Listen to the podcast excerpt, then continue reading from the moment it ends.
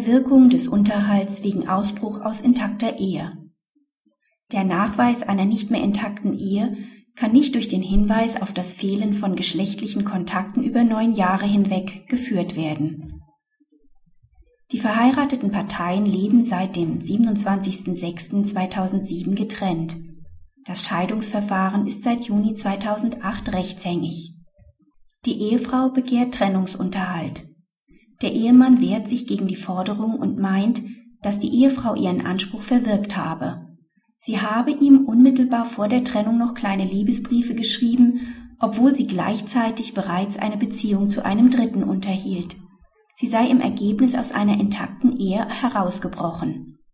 Die Ehefrau behauptet, eine intakte Ehe habe nicht mehr vorgelegen, da die Parteien bereits seit neun Jahren keinen Geschlechtsverkehr mehr hatten und sie die Liebesbriefe nur geschrieben habe, um ihren schwer erkrankten Ehemann aufzumuntern. Er behauptet, dass es aufgrund seiner schweren Erkrankung nicht zum Geschlechtsverkehr gekommen ist. Das Amtsgericht spricht der Ehefrau Trennungsunterhalt zu.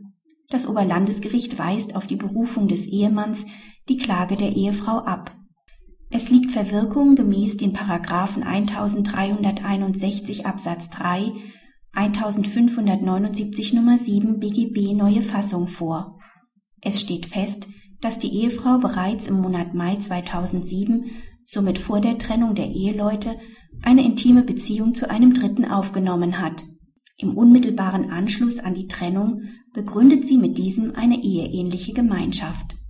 Dies genügt, um ein Fehlverhalten der Ehefrau in Form des bewussten Loslösens von jeglichen ehelichen Bindungen anzunehmen. Dass die Ehe zuvor nicht intakt gewesen ist, kann aus der Tatsache, dass die Eheleute neun Jahre vor der Trennung keinen Geschlechtsverkehr hatten, nicht hergeleitet werden. Es gibt hierfür unzählige Gründe, insbesondere die Erkrankung des Ehemanns. Dass das Fehlverhalten auch einseitig ist, steht ebenfalls fest. Zumindest hat die Ehefrau als Darlegungs- und Beweisbelastete nichts Substanziiertes gegen die Intaktheit für den Zeitraum der Anbahnung der intimen Beziehung zu dem Dritten im Frühjahr 2007 vorgetragen. Praxishinweis Der Ausbruch aus einer intakten Ehe ist in der Praxis im Regelfall schwer zu begründen.